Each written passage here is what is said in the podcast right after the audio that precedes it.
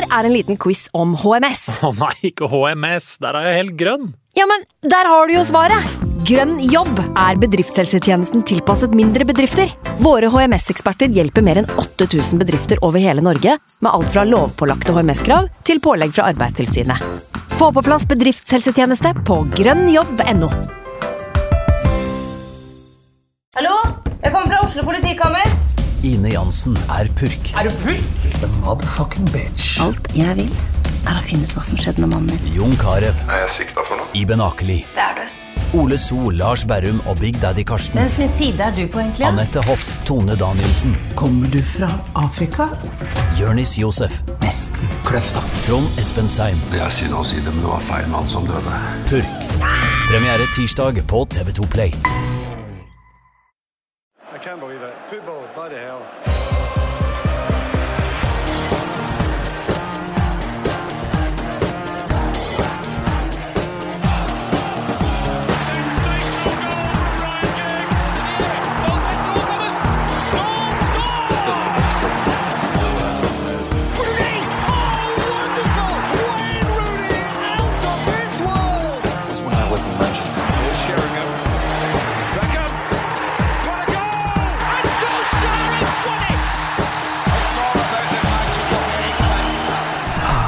Arsenal, vår gamle flamme. Det skal bli godt å atter møtes. Altså, du vet jo hvordan det er da, når man møter noen som man har delt en betydelig del av livet med, eh, og så har det gått en stund. Altså Bare sånn på godt og ondt så har man opplevd ting sammen. Det ligger en slags sånn spenning der. ikke sant? Følelser kan fort blusse opp igjen. Man begynner å mimre tilbake til bedre tider, da begge var i sin prime. Enklere tider, da det bare var oss to i verden. På lørdag skal vi møtes igjen. Og vi har eh, fyrt opp kubbelysene og kjøpt inn en bedre flaske burgund og et frekt stykke taleggio, for vi har baktanke, vi. Dette her er ikke et vennskapelig møte. Ikke utelukkende. Vi vil ha gnisten tilbake. United We Podcast. Dagens overskrifter. Endelig satt den for Zlatan. Wayne Rooney Wedding Crasher og Arsenal neste. Jeg heter Ken Vasenius Nilsen. I dag er jeg med meg musikkjournalist Ali Sofi fra P3. Velkommen. Hello. Martin Jøndal, VGTV-sjef. Velkommen til deg òg. Halla. Og ikke minst Jonas Berg Johnsen, eh, fotballjournalist, ja, sportsjournalist da, i eh, TV Norge, i Max. eh, Litt sånn all over the place, Discovery-gruppen. Og ikke minst Arsenal-supporter. Det stemmer. Hallo. Takk for å bli invitert inn i Løvens hule. Ja, eh, hvordan føles det så langt? Er det vennlig nok? Eh, Jeg kjenner jo nå at det var ustrategisk av meg å sette meg innerst i kroken. Mm. Hvis det her skal bli behagelig, så har jeg ingen redningsvei. for dette er et eh, lydtett rom uten fryktelig mange nødutganger. Så Ingen hører at du skriker. vi får se hvordan det går. Du får begynne å kaste pizza, så kommer du deg Ja, gjøre those det. young Fabregas days. Hva er ditt forhold til United som Arsenal-supporter? Eh, Det er jo det jeg vokste opp med som alle kompisene heide på, og som jeg hata, Ja. selvfølgelig. Altså Det der Abu-begrepet er jo til en viss grad eh, korrekt, Mm. men som Arsenal-supporter så hadde du jo på en måte en grunn til det, fordi rivaliseringa var så sterk, da. Og det var, så, det var jo oss to det dreide seg om, som du var innom Mm. i innledninga di. Og det hatet har jo på en måte Når jeg er blitt voksen og jeg er blitt journalist og jobber med dette her, og eh, United er ikke så gode som den gang var, og vi det har kommet med mange andre lag i toppen, så dette har jo dempet seg litt. Ja. Men nå er jo Mourinho der i tillegg. Å. Ja, så det, så det, det kommer opp en sånn uh, kvalm følelse i kroppen hver gang vi skal til Old Trafford, for det, det pleier å gå veldig dårlig. Uh, Du har jo jobba noen år med fotball. Uh, Har du intervjua mye United-folk, eller? Ja, jeg har det. Um, høydepunkter? et år så bodde jeg i, eh, i Liverpool eh, for TV 2 i 12-13-sesongen, så det var jo en eh, Det er jo glory days for deres del også. Ja, Van Persie-sesongen. Uh, definitivt. Og det var jo Sesongen, ikke minst. Deilig å dekke den Ja. sesongen. Van Persie og Carrick var vel egentlig Det var det som var laget, Ja, ja. og det holdt. Ja, ja. Um, jeg var på 14 United-kamper på Old Trafford. 14 hjemmeseiere. Gang etter gang. Og så skulle jeg liksom prøve å finne journalistisk interessante vinklinger etter en 3-0-seier over West Brom, hvor dere hadde brukt fire kalorier på å gjøre akkurat det. Og så eh, skal du ned i spillertunnelen på Old Trafford der, hvor eh, Shotbolt, Karen Shotbolt, eh, stålfitta til eh, pressesjefen til Manchester United, går rundt og hoverer og, og dirigerer, og sjeldent lar oss jyplinger fra Skandinavia få noe som helst. Men det kunne jo hende at vi ble avspist med en Johnny Evans som kanskje hadde spilt ti minutter som innbytter, eller en, eh, et eller annet sånt noe. Men det hendte jo at vi fikk uh, store fisk. Eh, så jeg har intervjua både Sir Alex og Nani og von Persie og Rooney og Fletcher og Gary Neville. Som ekspert, riktignok, da. Ja, ja. Eh, og en del sånne. Um, Var det noen av de som pekte seg ut, som ikke liksom bare eh, dreide seg om fotballfloskler, hvis du skjønner? Skjønte du hva Alex sa? Eh, jeg var dritnervøs da jeg sto med han. For det var sånn Det kom plutselig, og så er det jo sånn det klassiske reglementet om two questions only. Og da er det jo prisgitt at intervjuobjektene faktisk svarer mer enn tre setninger. Mm. Fordi ellers så blir det jo et pinlig kort intervju. Eh, så det, det beste hadde vært om det var en 90 sekunders regel eller noe sånt, men, men uh, Sir Alex svarte veldig kort og greit. Og så prøvde jeg meg på et tredje spørsmål, så sier han That's all right, lad. Good job. Klappte han meg på skuldra, så gikk han videre. Da skulle han til Frankrike eller Belgia eller hva det var for noe. lad. Ja, og da Jeg har fått den samme klappen på skuldra en gang av Åge Hareide, faktisk. Når Viking gjorde det skikkelig bedritent like før han fikk sparken. På Så- engelsk, eller? Nei, ikke, ikke good job, uh, lad, men, uh, men noe tilsvarende på norsk på Det er en god hersketeknikk. Ja, det er det, vet du. Så jeg var litt usikker på etterpå. Det også var jeg jo ganske liksom, fersk i jobben, da. Hva mente han egentlig nå? Jeg følte at jeg hadde vært ganske tøff med Hareide, da. Det var jeg ikke med Sir Alex, selvfølgelig. Nei, ikke sant. Du er jo også uh, litt sånn kjent i fotballkretser for et ganske røft intervju med Per-Mathias Høgmo. Det er Ja. jo legendarisk, da, Ja. må jeg rett og slett si. Nyere, nyere Nyere legendarisk klipp. Ja, det er faktisk det. Eh, og nå kommer jo nyheten i dag om at han eh, trekker seg, eller at de er blitt Yes. enige, eller altså hva man skal kalle det. Det er jo ikke så farlig. Mm. Um, så da kan jo folk gå inn og nyte det, det Ja, jeg vurderte sånn eh, Mitt beste minne med Per-Mathias uh, tweet i dag, men jeg sto over. Liten Jeg har kjapt spørsmål der. det. Åssen var det sekundene da kameraet var slått av etter intervjuet? Ehm, da var det egentlig helt greit, fordi han forsvant veldig fort. Han reagerte ikke noe på en måte sånn Nei. Og jeg, når jeg ser det jeg, nå i ettertid, så tenker jeg jo at jeg skulle gjort en del til annerledes. Um? Nei, at jeg, jeg var jo veldig uh, konstaterende i veldig mange av spørsmålene. Det var nesten ikke spørsmålsstillinger. Det var mer sånn 'Dette var ræva'. Nå må du Eh, skjerpe deg. og så gir jeg han mikrofonen, liksom. Eh, nei, satt litt på spissen, da. Så var jeg jo ganske tøff mann. Og jeg, det varer i 3 minutter og 40 sekunder, og det er nesten ett minutt for lenge, syns jeg. Ja. Når jeg begynner med sånn hodet på et fat og Ja, ja, ja. unnskyld norske folk og sånn, da, da, da er det ikke bra lenger, syns jeg, da. Men um, Og samtidig så kanaliserte du jo følelsene til alle som satt hjemme og så kampen. Du sa jo akkurat alt det vi lurte det, på. og, og det, har jeg, det er noe av det jeg har argumentert med når jeg har diskutert dette i ettertid, da, eller generelt diskuterer framgangsmåte, hvor tøff skal man være med en sjef eller en spiller eller sånt noe, så syns jeg at ja, vi skal selvfølgelig ikke være talerør for eh, Twittoratet og alle kommentarfelt-idiotene, men vi skal jo Der og da så er det den følelsen folk sitter med. De vil ha klare svar, og da er det ikke noe rundt grøten. Når jeg stiller det spørs første spørsmålet Den gangen var det veldig greit, for han hadde jo gambla i laguttaket. Toppfotballsjefen hadde sagt i pausen da jeg spurte eh, Dere gjør to bytter nå, Ødegaard og Moe ut. Er dette et resultat av gambling feilet? Ja, det kan du godt si. Ja. Eh, nå er ikke han sjefen til Høgmo, men han er jo på siden der. Sånn at Ja.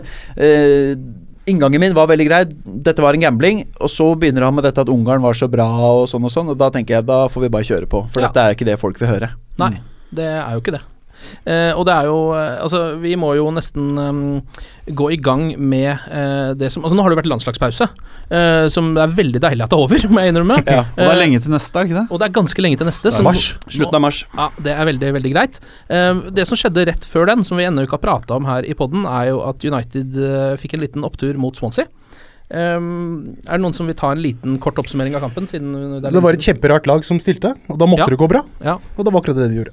Ja, altså det var jo Det var jo Mourinho som Som gikk til de mest rutinerte gutta. Ja. Og United spilte jo særlig bra de første 60 minuttene. De slapp litt opp på gassen de siste, Mm, siste men det er 30, greit. men det var jo Mm. greit, for så vidt. Men da du så lagoppstillingen, tenkte jeg å ja, her er det ingen mer enn seks i speed på Nei, det var det, det, var det Ekstremt treigt, Ja, det. så man jo på Twitter også. Alle reagerte på det. Liksom, hvordan, eh, hvordan skal man skape noe med et lag eh, fullt av spillere som eh, jogger? men Men igjen, Michael Carrick. Carrick er nøkkelen, og er han har vært på banen i seks kamper fra start hittil i sesongen. Seks seire. Ti år i klubben. Eh, hva? Ti år i klubben. Mm. Ti år i klubben, og vel så det. Ja, 400 matcher eller noe sånt. nå. Ja, rått. Eh, han er jo Han gjør jo spillerne rundt seg bedre. Pogba blir eh, bedre, Ja, ja. eh, og slår nesten ikke feilpasninger. Har en pasningsprosent på 96% eller noe sånt. Sherwood linka han til City, så jeg. Ja, det er noen uker siden nå. Det er, ja, ja. er vel ikke det fineste fotballryktet jeg har hørt, men, eh, men eh, Altså, det, et snev av eh, sannhet i det er jo det at uh, Guardiola kjørte jo han godeste Alonso uh, inn i midtbanen på Bayern. Mm, mm. Uh, I en alder av jeg vet ikke, noen og 30. Mm, Uh, som hadde jo litt den samme rollen som han uh, ser for seg at Carrick uh, Ja. skal løse i United, uh, forhåpentligvis, i hver eneste ligakamp Ja. fra nå ut sesongen. Så kan vi hvile den i Europaligaen. Mm. Nei, men Carrick var strålende mot Swansea. Mm. Rooney var god mot Ja. Swansea. Han har jo mange poeng, han. Mye bra involveringer. Uh, Klassemål av Pogba. Uh, siste målet til Slatan Zlatan fikk jo endelig hull på byllen, den måltørken hans som har vært en litt for lang stund nå. Mm. Og det andre målet der er jo et klassemål. Det er jo et Zlatan-mål, sånn som vi liker å se han. Hvor han får med seg ballen på litt sånn derre Hvordan i alle dager skal du få med deg ballen gjennom disse to folka?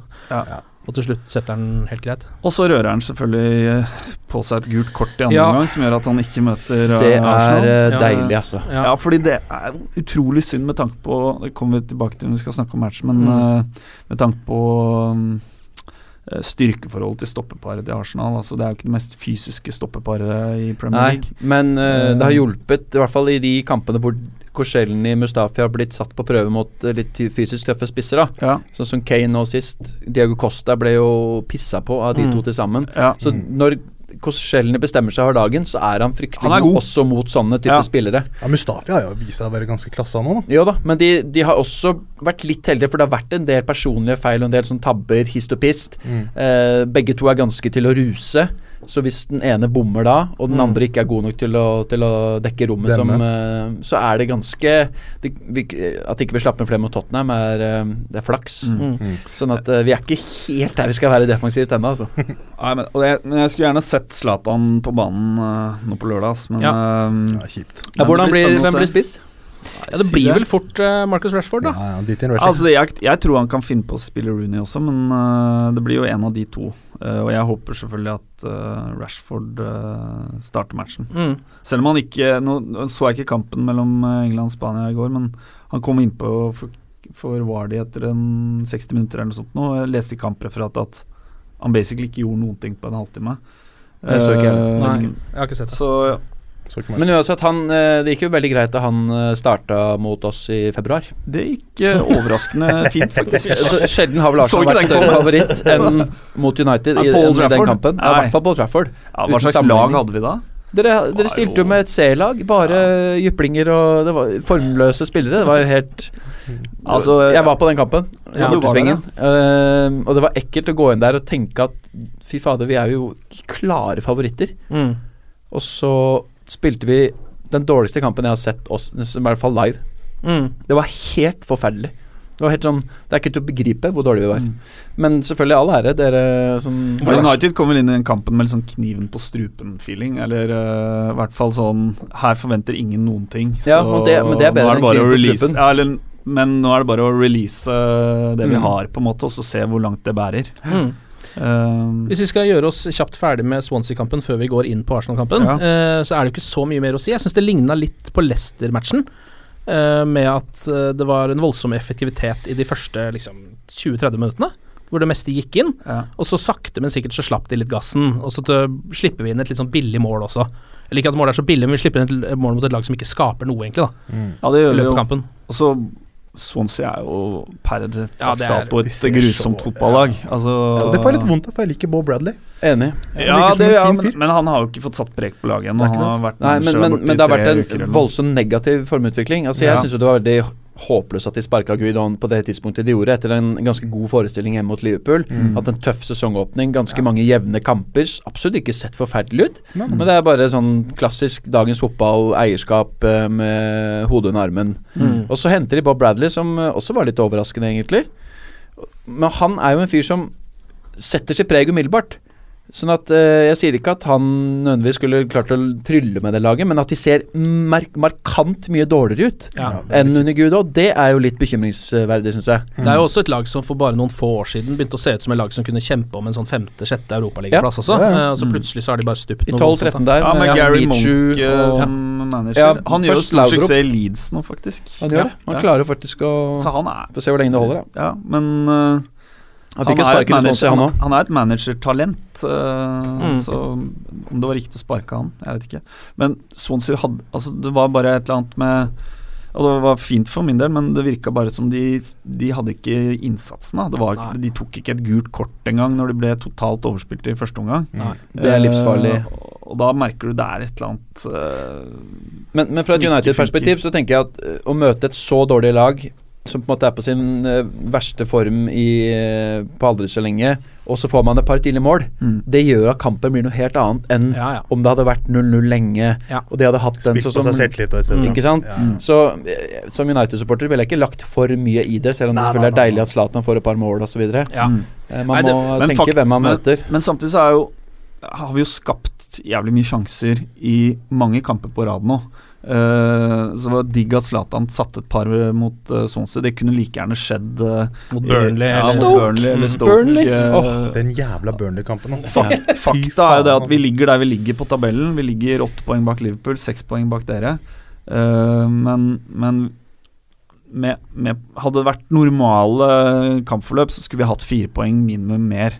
Ja. Eh, de fire poengene vi har rota bort hjemme mot Burnley og Ja. Stoke, er Det skal eh, ikke skje hvis du spiller de kampene ti ganger, så skjer det bare den ene gangen. Har ikke Mo eh, færre poeng enn det både Moyes og van Hall hadde på den tida? Jo, Veldig likt. jeg tror Ja, det. er Det var likt, ekstremt likt etter de første 15-16 kampene. Hvis du tar med Europa eller cup okay, og ja, jeg tenkte på PL. skjønner- Ja. Jeg tror jeg lurer på om han gikk inn i sponsorkampen med færre poeng, og så vant han den, og så nå er han så er det likt eller noe så eh, det er noe sånt nå. Mm. Eh, men ok, la oss begynne å fokusere på Old eh, Trafford mot Arsenal eh, på lørdag. Um, skal vi ta litt sånn historisk først, eller?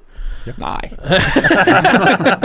Gå gjennom down Hvem er den nye. Roy Keane? Hvem er Vieira? Hvem skal passe på Gary Neville? De beste Arsenal-kampene du har sett? Altså, Ja, men Mm. altså det er, jo, det er jo noe med Vi har vært inne på det før. Det var jo en voldsom gnist i disse oppgjørene i 2002, 3, 4, 5. 90-tallet. ja, 90, slutten av 90-tallet. Altså, 90-tallet den kampen jeg husker best, det er jo FA Cup-semien, uh, returoppgjøret 99, på Villa Park. Ja. når Ryan Giggs uh, Ja, tok med seg ballen. Ja, altså, vi synger jo fortsatt om uh, Vera som gave Giggs see the ball. ja. Det er jo et av de beste målene jeg har sett fortsatt. Altså, det er sånn, jeg, det er sånn Jeg tror alle United-fans husker hvor de var når uh, de så den matchen. Og husk at den kampen gikk ikke direkte på TV. FA-cupen var i NRKs hule hånd. Så den i kampen gikk redigert opptak etter Kveldsnytt i én time. Det var en sånn Ja, men Så lenge, det er ikke lenger siden at sånn fungerte NRK-verden. Men det var jo med min Altså, man var jo syk i hodet hvis man ikke Jeg fant jo en pub som viste den matchen. Altså, man måtte se det greiene der live. Så du den live? Ja, ja, jeg så den på Skysport. eh, Ja, noe sånt, ja. Det på kan akkurat kafé på Tranby. Ja, riktig. Men jeg var litt yngre da. Jeg var bare 12-13 år, så jeg Ja. gjorde ikke det. da da fikk du ikke og, den, og ja. den husker jeg mm, Det var jo da etter Kveldsnytt, sånn kvart over 11 Det er til kvart over 12 eller noe sånt. Og da måtte jeg sette på opptak, og så husker jeg jeg skulle se det på morgenen før Ja, jeg ja, gikk på skolen dagen etter. Og så det har knapt nok gått 25 minutter av dette timeslange sammendraget, og så får Arsenal straffe på overtid. Du veit jo at Berkan bommer, for det er fortsatt 35 minutter igjen av programmet! Å nei! Så det var liksom Great job, NRK. God forvaltning av de rettighetene. Ja, virkelig. Husk at det gikk ikke en direktesendt landskamp på TV før mot Nederland hjemme i 92, Gøran Sørloth. Oi, oi, oi. Ja, Det det er formidabelt å tenke på. Sendte, de ikke live fra VM, sånn VM i Mexico og sånt? Må ha sendt live da, for det var jo Man satt jo oppe midt på natta for å Ja, men ikke norske landskap i kvalikkamper. Nei, ikke sånn på norske den- kampene. Ja. Det var jo eh, så lite Ja, interesse rundt det også, da. eh, fordi det norske landslaget var jo ingenting. Eh, Det er klart det var en annen tid. De viste jo heller ikke kampen da de slo England live. Den gikk jo også sånn etter Dagsnytt i opptak. Boeing-målet? Eh, Nei, altså den eh, gode, gamle Halvard Thoresen-matchen. Det var bare det at eh, NRK-folk oppe på arbeidsplassen din var, hadde så selvtillit på at folk heller ville se Kveldsnytt og Dagsrevyen Ja. enn å Men se live er det gamle. NRK-slagordet som fortsatt til en viss grad eksisterer. Og det er jo det som ikke er blitt sendt på NRK. Det har jo ikke skjedd. Det har ikke skjedd, nei. Men, men, men VG har jo faktisk litt av det samme. Det som ikke har vært på VG, det har ikke vært en nyhet. Dette har jeg, dette har jeg sikre kilder på, at det er tankegangen i eh, eh, Akersgata. Ja, altså Ambisjonen er at VG skal dekke det meste av nyheter, så jeg vet ikke, men eh, eh, Ja, men Man definerer jeg, jo selv hva som er nyheter. NRK Det er akkurat det. NRK-beskrivelsen. Ja, Mer ja, usikker på ja, den ja. siste.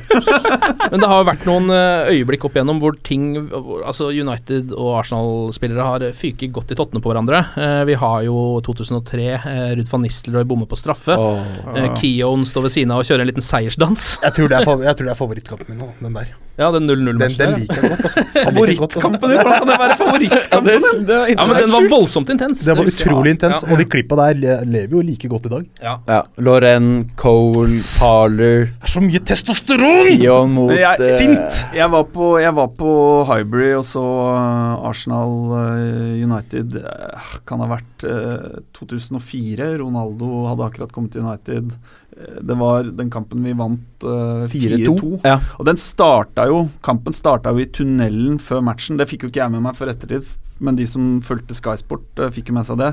Det er jo den klassiske situasjonen der Vieira skal intimidate eh, Gary Neville. Eh, det er et fantastisk YouTube-klipp for de som ikke har sett det. Må bare gå inn på YouTube Ja. og sjekke det ut. Så kommer Roy og så kommer Roy Keane og rydder opp og bare Skal Ja, du plukke på noen her, skal du plukke på meg. Ja, ja, ja. Og det er en så jævlig nydelig Så intensitet i garderoben før matchen der. Så hører du at han roper gjennom tunnelen, så det ljomer mellom veggene 'See you out there!' Og da veit du liksom at da blir det en grei match. Og Stuart matchen- Taylor sto i mål for Arsenal, husker jeg. John O'Shea scora. Ja, ja, dere leda 2-1 til pause. Ja. Eh, jeg sto nede, gikk ned til gressmatta, jeg var bortsving der også. Sto jeg der og var skuffa over første gangen. Så kom det en måke og dreit meg på skuldra. Da tenkte jeg at det her er det Nå blir det ikke verre, og det hadde jeg rett til. Og gikk vi jo ut i andre omgang og skåra tre mål. John O'Shea avslutta med å rolig lobbe inn. Ja, ja, ja, ja. Jeg fikk hele banehalvdelen for deg sjøl der, på et sånn merkelig løp. Ja. Det var jo også, Jeg husker ikke om nå om det var året før eller etter dette, så var jo den klassiske pizzakastingsincidenten som du var innom eh, tidligere, eh, som jo også skjedde i tunnelen. Så det var liksom den perioden hvor ting skjedde mer, like mye i tunnelen Arsenal. United. Det var liksom før Chelsea hadde, og Mourinho egentlig hadde kommet. uh, Ja, for dette uh, Pizzagate var ikke det Var det um, høsten 04, var det ikke det? Ja, Etter at uh, Arsenal unbeaten-rekke ble brutt. Ja. Uh, med Rooney-filming blant annet der og sånn. Ja. Um, og Gary Neville og gutta bestemte seg for å sparke Reyes ut av matchen. Mm. Det var jo Ja, ja, ja. Det skulle vært Både Scholes og Gary Neville skulle hatt rødt kort. Phil Neville ikke langt unna. Ja, ja. Og eh, så kommer jo Ja, helt greit. Men da Det tror jeg var, tror var da det var Pizzagate Ja. i tunnelen. Og det Det var, jo- gøy, ja. Ja, var det da kampene var sånn. Ikke sant? Men det er gøy å se Vieira og Keane snakke den dag i dag.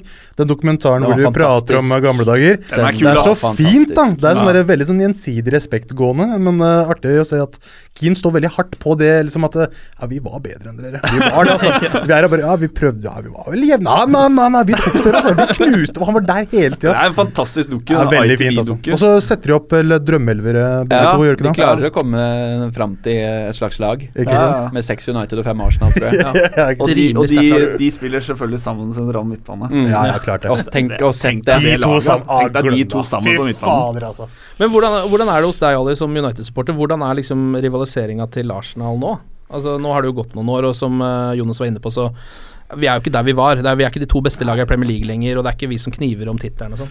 Nei, det, er, altså, det er bare Det er gøy å se på Arsenal spille fotball. Det er litt mer, gått mer dit enn at jeg gleder meg til de store bataljene. Det går jo Mm. mer, mer på det, egentlig. Så jeg savner jo en, eh, savner jo en noe man kan liksom krangle med, da. Mm. Det, sånn, det, har, det har forsvunnet uh, ganske lenge siden. Så City er sånn der, okay, Noisy Neighbors etc.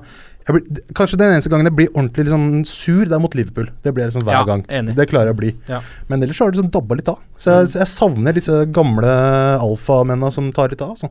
Ja, Men det har litt, litt med uh, at Arsenal heller ikke har liksom prestert helt i, Ja, ja. på toppnivå. Altså er Det det er ti år siden dere vant uh, Vi vant ligaen i 04. Det er tolv og et halvt år 12 siden. år siden. Ja. Mm. Eh, Så det er det. Og så for min del er det litt uh, flytte fra Highbury til uh, Emirates også. Altså jeg elska Jeg var på Highbury en to-tre ganger som bortsupporter, og det var en av de aller, aller beste stadionene. Var banen der virkelig så liten som den skulle ha ha Ja, den var så intim. Ja. Du måtte liksom gå gjennom en bakehage for å komme til tribunehalvdelen. Eh, det var liksom en sånn ordentlig klassisk engelsk stadion, Virkelig. sånn som det er på det beste. magisk til i strøket der, og de har beholdt veldig mye av den art deco-looken på hele Weststand osv. Så, videre. så Ja. det er mye som er beholdt, da. Men uh, det er jo ikke det samme på Emirates, jeg er helt enig i det. Selv om og ble kalt for The Library, Ja. så har jo ikke Emirates De gjorde jo samme tabbe som Westham har gjort nå. Ikke klart å samle Men den de ser som sto stusslig ut, ass. Jo, Resten av ja, jo helt ja, ikke sant, og det er jo en jævla friidrettsbane, så Det det er er, det er litt annerledes. Men når du bygger sånne disse moderne, runde, sirkulære stadionene, så er det jo ganske mye større avstand til gresset for veldig mange. Og så Mm. har de jo tabba seg ut ved at ikke de har samla alle de hardcore gutta sammen. På ett Det ble jo fullstendig spredning. Nettopp, nettopp. Og litt den der åpne glippa mellom øverste tribunaldel og taket, som ødelegger litt av den derre Ja, liksom det eh, akustikken, på en måte. Ja, det kan du si. Jeg var jo på Arsenal-Tottenham, uh, som var kickoff tolv engelsk tid, da. Ja. Og det er dritskuffende atmosfære. Var det det? Mm, Kjempedårlig. For der skal det jo være helt eh, grisetrøkk. Ja, og det, det var supernedtur at det var så Mm. tamt, faktisk. Det, det, som, det som er bra med å se Arsenal borte fortsatt, det er jo at du har bortepub på hjørnet 200 meter fra stadion. Det er vel det eneste bortebanen som eh, liksom tar så godt imot bortefansen. Eh, så det er klasse. Det, det, er, det, det kan du sette pris på. Ja, Snillisme. Eller dumskap, vil jeg nesten si. Eh, Vi kan vel, eh, i hvert fall som United-supporter, så kan vi ikke ta en historisk gjennomgang uten å gå gjennom, eh, eller nevne kampen i 2011. eh, 8-2-matchen på Old Trafford i starten av sesongen. Um, da United skårte de på tre-fire frispark, og alt gikk i kryss. Alt gikk i og det var krysset. helt eh. Young og Roon ja, Alle bare tredde Ja. ballene opp i hjørnet Ja, der. det var helt Ja. vilt. Det var en drøy kamp. Da husker jeg det var eh, Det var nesten så jeg liksom Det klarte jeg nesten ikke å tro på. For da var det ikke så Det var ikke så lenge siden de hadde hatt de bataljene som var 1-1 og 2-2, og liksom de knallharde kampene som plutselig var det en 8-2-match. Ja. Men jeg har litt sånn dårlig minne fra den kampen samtidig. Jeg så den hjemme i Hønefoss, så gikk kampen i svart etter sånn 3-0. Jaha. Tre mål, så gikk uh, sendinga i sendinga- opp. Ja. et lokalt tilfelle. Så Ja, bare det må det ha vært, for det var ikke det var, Hos meg var det rullegardin nede fra første Sleit til på å 90 minutt. Ikke noe, ikke noe hvilepause. Fortsatt sur. For å si sånn, hvis uh, på lørdag United leder 3-0 og TV-ene går i svart på Bohemen, så tar jeg meg en Guinness og er jævlig fornøyd. Ja, ja, ja. Skal Ta, jeg jeg tar gjerne det. Ja. Altså. Uh, Hvor gode er eh, Arsenal akkurat nå, Jonas? Hva er det vi må se opp for her, liksom? Litt vanskelig å si. Eh, det var jo en forferdelig inngang på sesongen, nok en gang. Um, om, det er, om det betaler seg eller ikke, er ikke godt å si, med tanke på det å få inn gutta fra preseason som hadde spilt mesterskap. Vi så jo ut som altså, det dårligste laget i verden hjemme mot Liverpool. Ja. Um, Så bunnivået er jo ubegripelig lavt. Og så er det jo ekstremt typisk Wenger da. Etter en sånn åpning så vinner man åtte-ni kamper på rad. Det gjorde man også i 2011. eh, etter den forferdelige Det var jo den eh, i slutten av august der hvor, eh, hvor eh, 8-2-kampen kom. Ja. Da, da skjerpet man seg. Og så samme i 13, da vi tapte 3-1 mot Aston Villa hjemme. Så vant på masse kamper og kjøpte Øzil. Og, og det har vi gjort nå, og da har vi jo sett tidvis fantastiske ut. Selv om det tok litt tid før Alexis vente seg til spissrollen. Mm. Walcott har jo vært dødsbra, Mm. Mm. videre. Og så har vi, etter at Casorla ble skadd, så har vi mista det litt igjen. Da hadde vi noen sløve matcher både mot Middlesbrough hjemme. Ja, eh, vi sleit med å bryte ned flere, egentlig, i Champions League også. Mm. Eh, Ludogorets. Og vi er fortsatt porøse. Jeg stoler ikke på at vi har en altså sånn defensiv trygghet. Det føler jeg ikke. Selv om ikke vi slipper inn så mye mål, så er det litt porøst. Og offensivt, når Casorla ikke er der, så mangler vi han som er taktsetteren, som liksom får Mm. i gang og går rundt med tryllestaven sin. Slår litt baller, har veldig god interaksjon med Øsil. Nest nest sist på ballen. alltid, Veldig, liksom. veldig ofte. Mm. Og uh, Chaka er jo en klassespiller, men han har ikke kommet hele tiden. Har jo sittet overraskende mye på benken. Fikk det røde kortet mot Swansea. Hvor god er Lucas Perez? Ja, han Vanskelig å si, jeg har ikke sett han så mye. Uh, men han viser i hvert fall en veldig innsatsvilje og er punch på for å spille mer. Nå er jo han skadd, da, så han er ute i 68 uker. Mm. Uh, sånn at uten Casolla nå blir det antageligvis Coquelin og Sjaka igjen. Ja. Sentralt. Som er bra, liksom, men på en eller annen merkelig måte så virker det som vi mangler litt av det drivet uten Casolla. Og han er ute nå også på lørdag. Og så er det foran. Uh, Walcott er jo veldig Når han ikke har dagen, så er han jo helt forferdelig. Men han har jo vært ganske god i høst. Sånn at eh, han starter nok til høyre. Og så tipper jeg at det blir, i og med at Iwobi har nå hatt en veldig dårlig trend, Mm. Uh, Alexis ute til venstre, og så Giroud på topp med Øzil. Det er det jeg tipper. Ja, du tror han tar inn uh, Jeg tror faktisk han gjør det, fordi Han har overbevist litt de siste kampene. Giroud. Ja, altså han, han, Putta to da han kom under. han har jo et fantastisk målsnitt for oss, egentlig. Det er bare at han bommer på en del eh, feite muligheter. Og så har han jo Han er jo litt stor og gampete i forhold til Ja. når vi har det litt uh, tikki-takka-aktige småspillet som vi har hatt uh, med Alexis på topp. da Så det blir litt annen måte å spille på. Det kan godt hende Alexis starter på topp, og kanskje Iwobi til venstre. Det kan være det, altså. Men eh, det er et eller annet med følelsen jeg har, og så tror jeg det har vært mye usikkerhet rundt Alexis. Ikke sant? Det kan også være at Ja. han kjører Alexis på topp, og så Ramsey fordi I den treeren bak. Mm. ja, fordi at uh, Oxlade var jo helt forferdelig da han kom inn på Tottenham og er veldig ikke til å stole på. Mens Ramsey er jo egentlig best sentralt, eller har spilt ute til høyre, men Mm. da må du eventuelt bytte om veldig. Så Ja. han kan jo spille innoverkant fra venstre også, for så vidt, da. Mm. Men da blir det litt annen sånn dynamikk. Mm. Uh, men uh, for det defensive så er jo det selvfølgelig en tryggere oppstilling, for han har jo en bra motor og Ja. en, en bedre Nå- defensiv enn både Alexis og Iwobi. Når er det Alexis er tilbake i England etter landskapsreise i Sør-Amerika? Jeg tipper de pælma han på et jetfly så fort den kampen var ferdig i natt. Mm. Han spilte jo Han skårte vel et par mål òg? to mål, skåret han. Spilte 83 minutter og ikke noe problemer med hamstringen, visstnok. Mot hvem da? Mot Uruguay. Mm. Veldig viktig match nice. for Chile. Ja. Eh, vant 3-1. Forbi Godin. Eh, og han spilte visst bra, men han var jo veldig usikker opp mot kampen, og spilte jo ikke Chiles forrige match, uh, som vel var mot Colombia i helga, Mm. fordi han hadde problemer med, med Så det kan være at han er ute også. Vi får jo se. Han, eh, men jeg så statistikk de to, to sesongene, så har Alexis vært involvert i alle kampene etter landslagsopphold. Ja. Ni fra start, én fra benk. Så det er ikke sånn at Wenger har egentlig hvilt han så mye, faktisk. Selv om han La oss si at den kampen er ferdig klokka fire i morges, da. Mm. Hvor tidlig kan komme seg på et fly? Han er jo ikke i England før utpå Ja, vet du faen. jeg. Tipper han lander i morgen tidlig, Ja. Ja, det kan være det. Fordi vi, altså nå har jo City og, City og Chelsea og sånt De spleisa jo på et privatfly, leste jeg nå, eh, eh, for brasilianerne sine. Ja. Eh, Så de fløy eh, Thiago til PSG og Ja, eh, Fernandinho til City, og så var det et par som skulle til London. mm. Det er ganske mange argentinere òg, da. Som Ja, de- bare skuffer dem til Europa så fort som mulig. Ja, Liksom. de tror jeg skulle videre og spille en ny match. Uh, jeg er ikke sikker. Men både Brasil og Argentina spilte jo i går.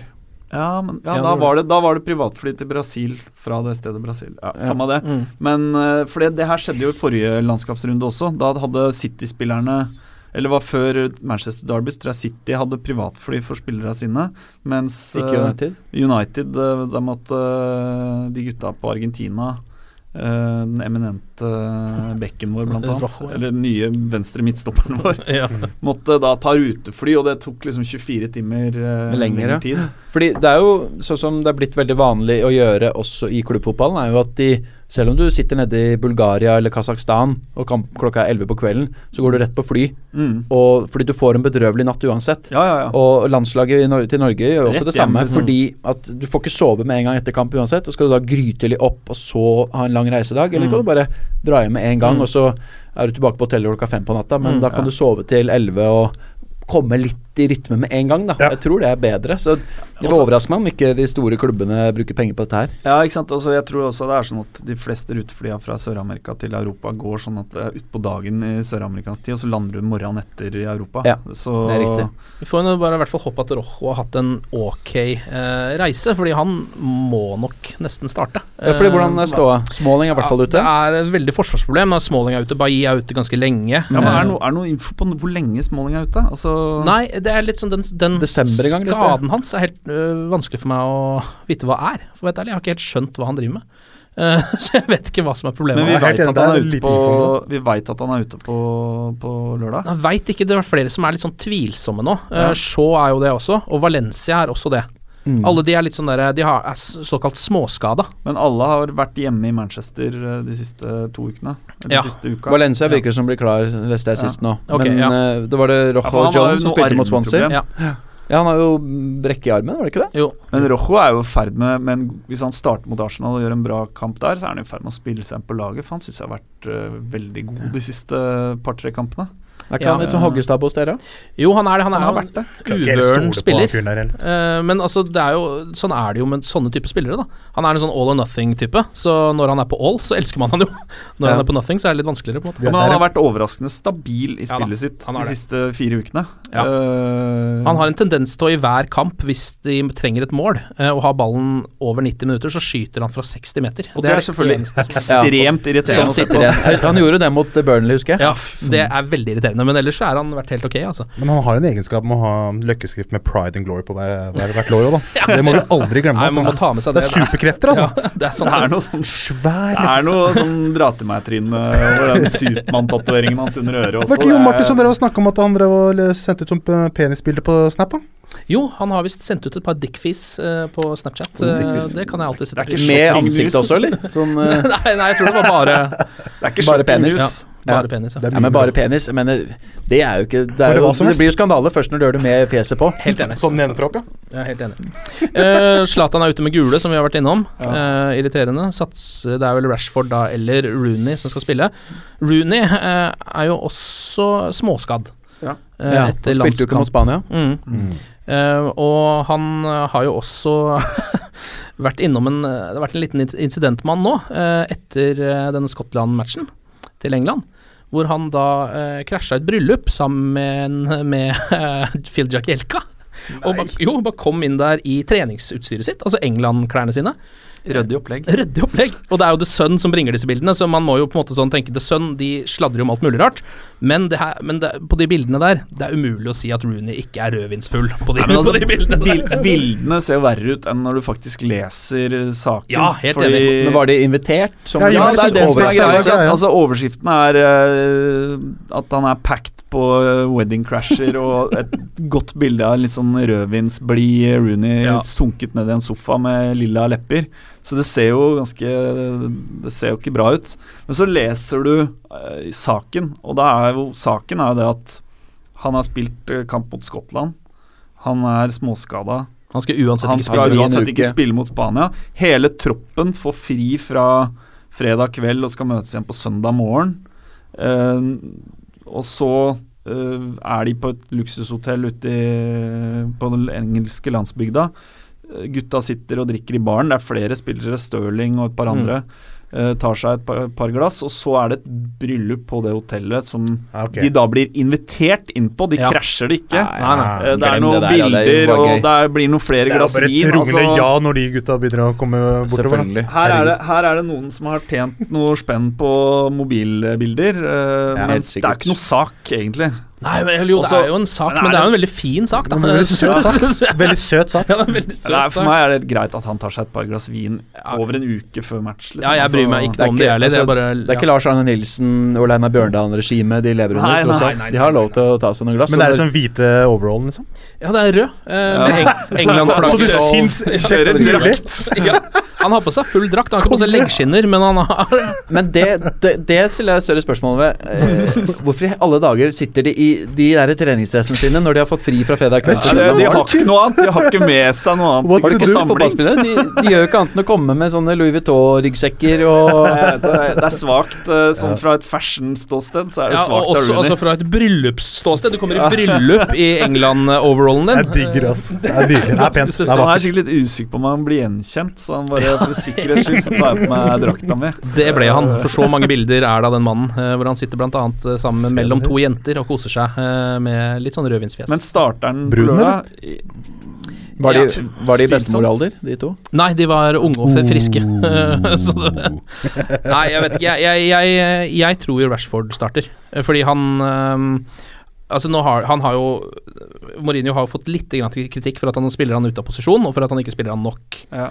Og jeg vet at Mourinho ikke sitter og bare hører på den kritikken, men jeg tror nå bruker han den muligheten han har, da til å bruke Marcus Rashford fra start. Ja, og jeg tror Altså, sånn taktikken inn mot den kampen fra Mourinhos ståsted tror i hvert fall jeg vil minne litt om taktikken inn mot Liverpool-kampen. Selv om vi nå spiller hjemme og Ja. Liverpool-kampen var borte, så tror jeg nok kanskje man vil kunne kjenne igjen eh, elementer av lagoppstillinga og måten vi gikk ut og Mm. tok grep om Kanskje ikke så defensivt, for det er jo litt uhørt hjemme. Nei, Men, men Mourinho har jo kledd av Wenger siden de møttes første gang. Mm. Wenger har aldri slått Mourinho i en viktig kamp. De har, han har vunnet han Mm. over han i Charity Shield i fjor, eller Community Shield i fjor høst. Mm. Det er det eneste. Mourinho har balletak på Wenger. Mm. Han går inn i den kampen her med full selvtillit, selv om det har vært en tøff høst. Mm. Han vet hvordan han skal gjøre det. Han kan bare vise til historien, preppe gutta sine. Sånn skal vi gjøre det, boys. Så er det dessverre litt for lett å sparke, skråstrek, psykologisk syke ut eh, Arsenal av mange av disse kampene. Det er jo ikke noe grunn til at vi skal prestere så dårlig på Old Trafford som vi har gjort så mange ganger, annet enn at det ligger et eller annet i beinmargen her. Mm. Eh, psykologi er så viktig i fotball. Mm. Og mm, det er ingen, eh, ingen rasjonell forklaring som, eh, som Wenger kan bruke til å begrunne hvorfor ting har gått så dårlig i så mange av disse toppkampene mot Mourinho, Paul Trafford. eh, Hver gang det ligger an til at vi kan ta tabelltopp og få en god mulighet, sånn som Tottenham hjemme nå. Mm. Kjempedårlig prestasjon Ja. i en match hvor Tottenham er kjempesvekka, Og vi er hjemme, og vi har mulighet til å ta tabelltopp. Så, og det der ligger fortsatt der. Hos meg, da, som er Wenger-kritiker, selv om jeg elsker mannen og unner han all suksess, så er jeg fortsatt ikke overbevist om at han er mannen som kommer til å føre oss til noen ligatittel eller noen Champions League igjen. Er du, det tror camp, jeg ikke. er du i camp Pierce Morgan? Nei, det er et steg over grensa, liksom. Men jeg mener at det har vært så mye opp igjennom, selv om det har vært en tøff periode etter Emirates-flyttingen Ja, det er ti år. Eller det er tolv og et halvt. Det det blir jo litt som Rooney og oss nå, da. ikke sant? Vi takker ham for alt han har gjort. Men- som Wenger har gitt dere en ny stadion etc., etc. Ja, bygget en hel klubb. It's, it's okay now, liksom. Ja. Takk for tjenesten. Om Los Angeles uh, hypp på kroner og liv i sola fra januar, så takk, takk for alt. Ja. Og, det, og det mener jeg at må være ok å si uten å bli tatt for å være liksom en sånn uh, Wenger-hater eller Rooney-hater. Liksom. Ja, ja, jeg helt enig. Eh, man må jo kjenne sin besøkelsestid. Mm. Men eh, så har jo Wenger da hatt kjempefin høst med mange, noen av de beste fotballen på mange år, i, i noen kamper i høst. Sånn som Spiller vi sånn som vi gjorde mot Chelsea, så kommer jo dere til å få unngjelde veldig. Mm. Men jeg ser ikke helt det skje i en kamp som det her, da. Det er resultattips, da. Jeg syns det er vanskelig, altså. Men uh, jeg vil i hvert fall aldri tippa på Arsenal mot Mourinho. Nei. Eh, så jeg har ikke sett noen odds, faktisk. Jeg har ikke kommet så langt. Men eh, jeg, jeg tipper det er mer verdi i HU på et eller annet sted enn eh, altså United pluss 0,25 eller noe sånt. Mm. Sånn langlige tips. Så det er ditt tips Asian handicap. Hadde du skjønt hva det er for noe. Hva er det egentlig? Nei, det er Det er en annen podkast. du får Asian handicap, Wikipedia, Ja. så skjønner du det. Ja. Du Ali, resultattips her. Uh, optimisten i meg sier uh, 2-1 til United. Martin. Åh, jeg veit ikke. Jeg, jeg, ehm, jeg er spent på laguttaket. Uh, og jeg tror United vinner hvis Carrick starter. Da vinner Ja. vi 1-0. Ja, du tror det blir en såpass jevn og litt kjedelig match? Det har jo vært veldig få mål, faktisk, Ja. i de fleste av kampene lagene imellom. Bortsett fra sånn som på Emirates i fjor, hvor vi var dødsbra fra start. Mm. Ellers så har det vært 1-1, 0-1, 1-2, mye Mm. sånt. 8-2. Eh, 3-2 ble det jo faktisk på Ja. Men hvordan blir det Rashford på topp? Det tror du han benker Rooney, da?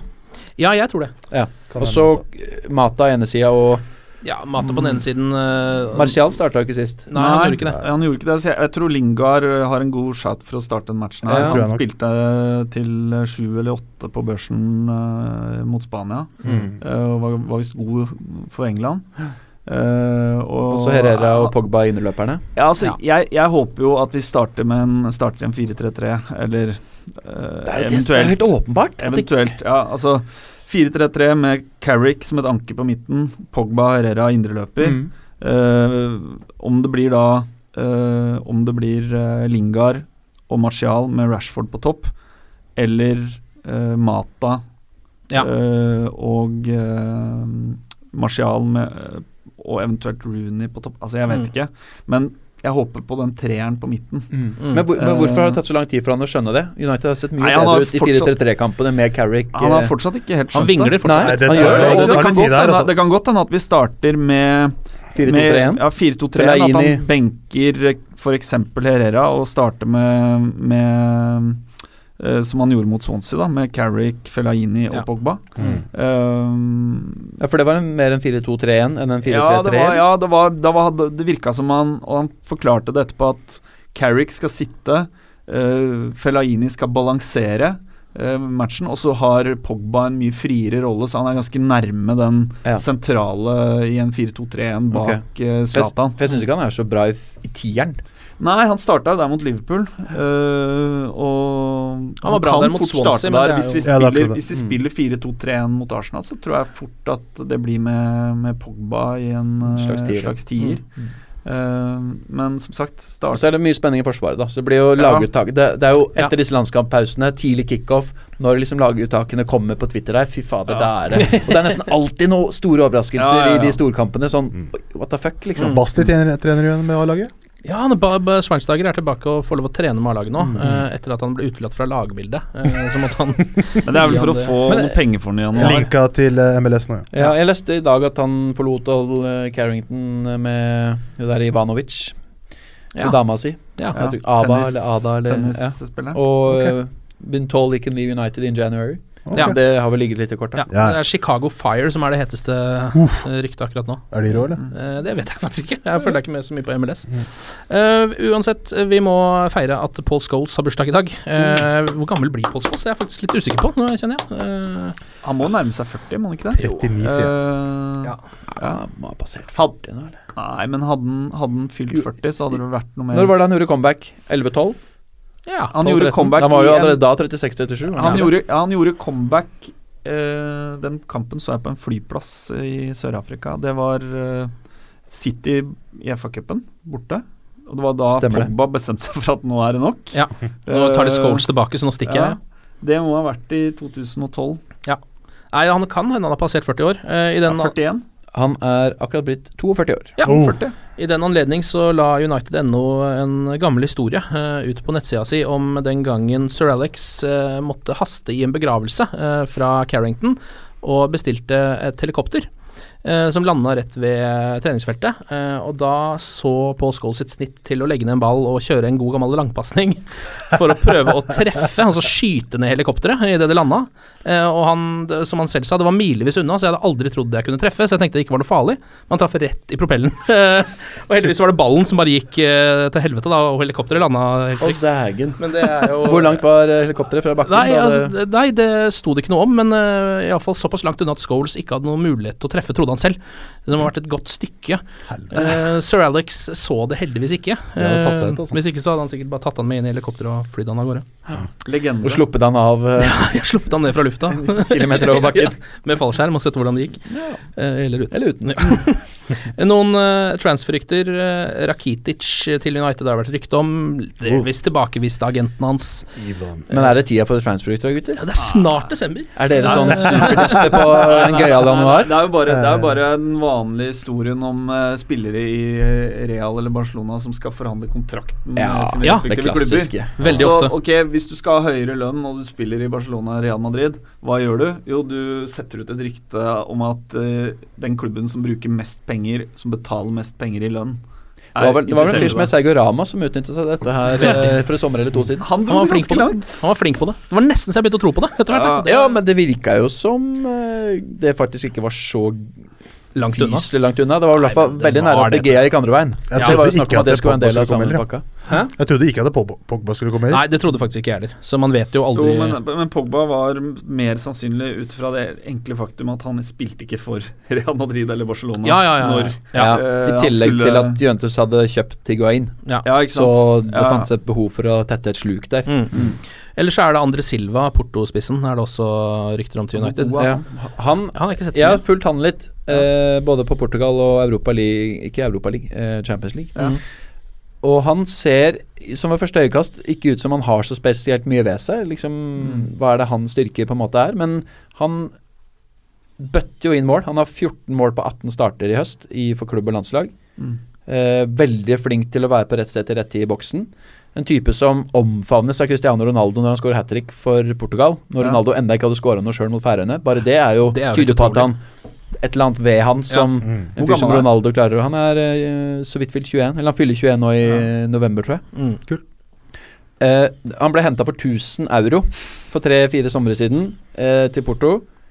Da var han 15, og Mm. så startet han sesongen i fjor med å være femte-sjettevalg i Porto. Ja. Eller fjerdevalg, og så henta de et par spisser i januar. Ja, og så får han liksom kjempa seg inn, får en mulighet. Ja. Eh, og skårer sitt første mål på slutten av sesongen i våres, men ingen tenkte liksom at han skulle fått sånn vanvittig formutvikling. Nei. Men så han Porto-presidenten sa at eh, Kom gjerne og hent ham, men 60 millioner euro Ja, er utkjøpsklausulen. Og det er liksom Det er jo dit vi har kommet med Martial. Hvor mange, Ja, ja. mange Ja, ja, kamper hadde han ja, spilt ja, for. Monaco, liksom? Det er hinsides. Men både Arsenal og United og Atletico Madrid og så videre har jo hatt speidere på han nesten hver kamp i høst, Mm. Ja, altså Ja. vi må jo vi, vi må jo se til uh, Se på spissplassen vår eh, på, på liksom sikt på to-tre års uh, sikt. Ja. Vi har, vi har riktignok Rashford og, og for så vidt Marcial også, som ja. kanskje på et eller annet tidspunkt blir en mer sentral uh, Eller får en mer sentral posisjon. Men Men Zlatan holder i år og kanskje Ja noen Et år til, ja, noen matcher neste år også, og Rooney er på hell, så at Mm. vi følger liksom alle, absolutt alle spillere i alderen 18 til 23 år som bøtter inn mål i OK ligaer, det tar Men, jeg for men det er jo sykt hvordan hypen kommer fort, da. Men han Ja, debuterte ja. jo for U21-landslaget i fjor høst. Mm. Uh, du må skru klokka to år tilbake, da Norge rundspilte Portugal U21 på Marienlyst. Mm. Ja. Martin Ødegaards beste kamp så Ja, langt. ja, ja. Hvor den gang var ikke han Han var jo da 19, men ikke, ikke god nok med, for god nok for, det, for den troppen engang. Nei, nei. Um, og så kan du tenke deg hva slags steg han da har tatt på de to åra, eller ett siste året, kontra f.eks. Martin Ødegaard, da, hvor Mm. uh, Så han har jo spilt 14-15-18 kamper på, på Porto, liksom på, på topp. Så, mm. Ja, så er det 60 millioner, så er det 60 millioner euro, liksom. Det er, eh, det er, for, det er for fjernt. Det er, det er gamble.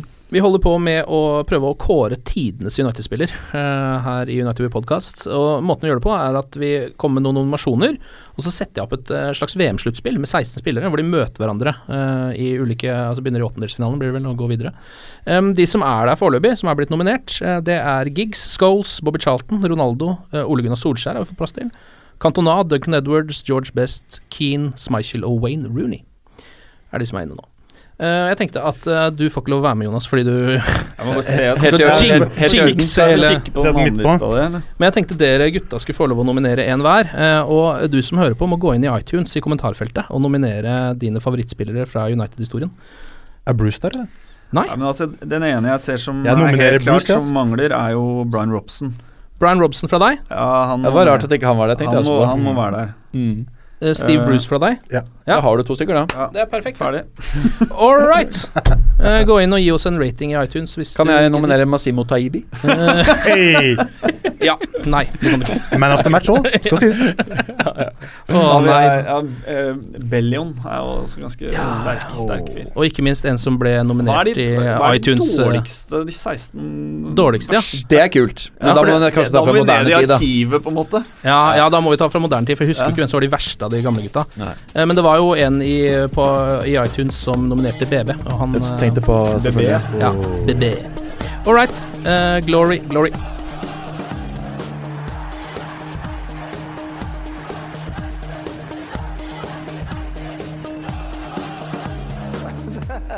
Oh, it's true.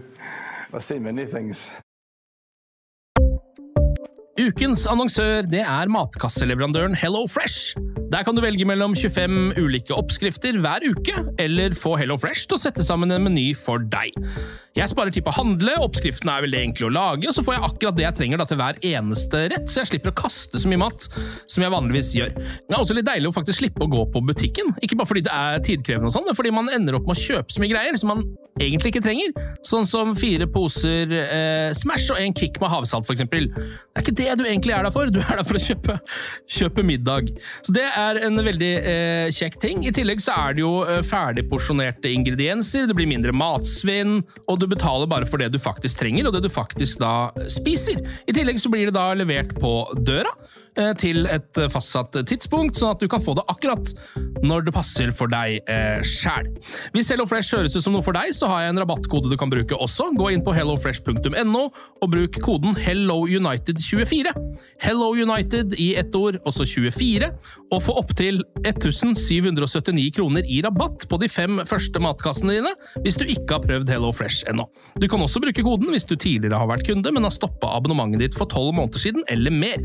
Det er ingen bindingstid, og du kan pause eller avslutte abonnementet ditt akkurat når du selv måtte ønske. Husk koden HelloUnited24, og bon appétit! Ukens annonsør er Folio, en smartere banktjeneste for deg som har en egen bedrift eller ønsker å starte for deg selv. Folio er en superenkel nettbank for bedrifter. Som kunde i Folio får du en bedriftskonto med et bedriftskort og app. I denne appen er det smarte løsninger som forenkler regnskapet ditt, uansett om du har en liten bedrift eller et enkeltpersonsforetak. Folio er både intuitivt og brukervennlig, og er laget med et enkelt språk. I tillegg tilbyr de forutsigbare priser og ingen skjulte gebyrer. Skulle du likevel trenge det, så kan du snakke med deres raske og hyggelige kundeservice, og der får du prate med en faktisk person og ikke en chatbot. Folio er med andre ord både enklere og koseligere enn banken. Over 10 000 bedrifter har allerede valgt Folio som sin banktjeneste, så besøk folio.no og se hvordan Folio kan forenkle din hverdag også.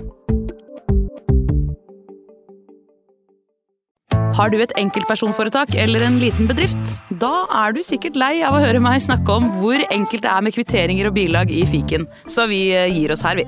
Fordi vi liker enkelt. Fiken superenkelt regnskap.